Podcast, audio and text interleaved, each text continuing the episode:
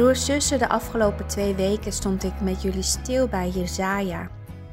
En ook in deze overdenking wil ik stilstaan bij Jezaja 11 en dan met name bij de versen 1 en 2.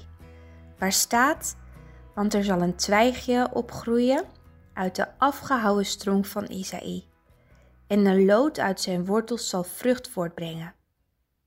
Op hem zal de geest van de Heere rusten de geest van wijsheid en inzicht, de geest van raad en sterkte, de geest van de kennis en de vrezen des Heren.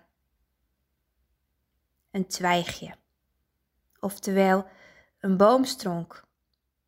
Heb je er wel eens bij stilgestaan en goed ernaar gekeken? Want als je erbij gaat staan, dan kun je de jaarringen tellen. En als je de ringen geteld hebt, weet je hoe lang de boom geleefd heeft voordat hij omgehakt werd. En toch kan er uit zo'n omgevallen boomstrong nieuw leven bloeien. Job zegt het zo mooi. In Job 14 staat: Want voor een boom is er, als hij omgehakt wordt, nog hoop dat hij zich weer vernieuwt en zijn jonge loten niet ophouden uit te lopen. En even verder staat er: bij het ruiken van water zal hij weer uitlopen en maakt hij weer een twijg, zoals een plant.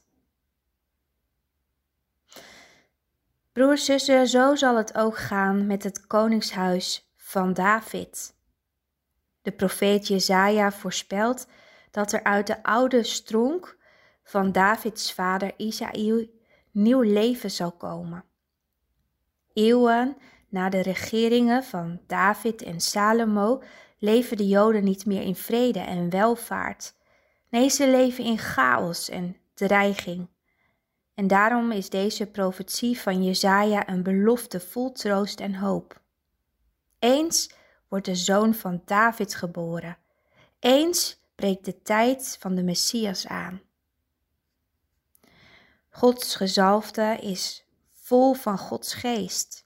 De geest rust op de gezalfde. De Messias heeft de geest van wijsheid en inzicht. En dat zijn dingen waarmee je ontdekt waar het om gaat in het leven. Het gaat erom, broers en zussen, dat wij God eren en onze naasten. De redder heeft de geest van de raad en sterkte, staat er in Jezaja. En dat zijn dingen waarmee je je gedachten over Gods woord kunt omzetten in woorden en in daden. De Christus heeft de geest van kennis en vrezen des Heren. En dat zijn dingen waarmee je leert alles van je leven in verband te brengen met je Vader, je heiland en je geloof. Begrijp je waarom je Jezus nodig hebt? Broers, zussen, laten we onderweg naar het kerstfeest vooral niet vergeten te vragen of Gods geest ook in ons, in jouw leven wil werken.